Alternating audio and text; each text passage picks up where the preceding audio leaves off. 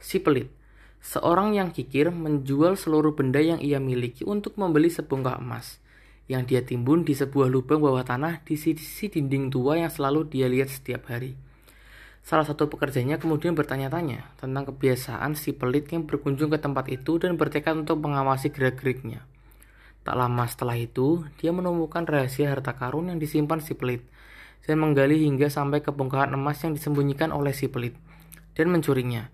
Pada kunjungan berikutnya, si pelit tidak menemukan apa-apa di dalam lubang dan mulai menangis dan meratap dengan keras. Seorang tetangga kemudian menatapnya dan mencoba mengatasi kesedihannya dan mempelajari penyebabnya.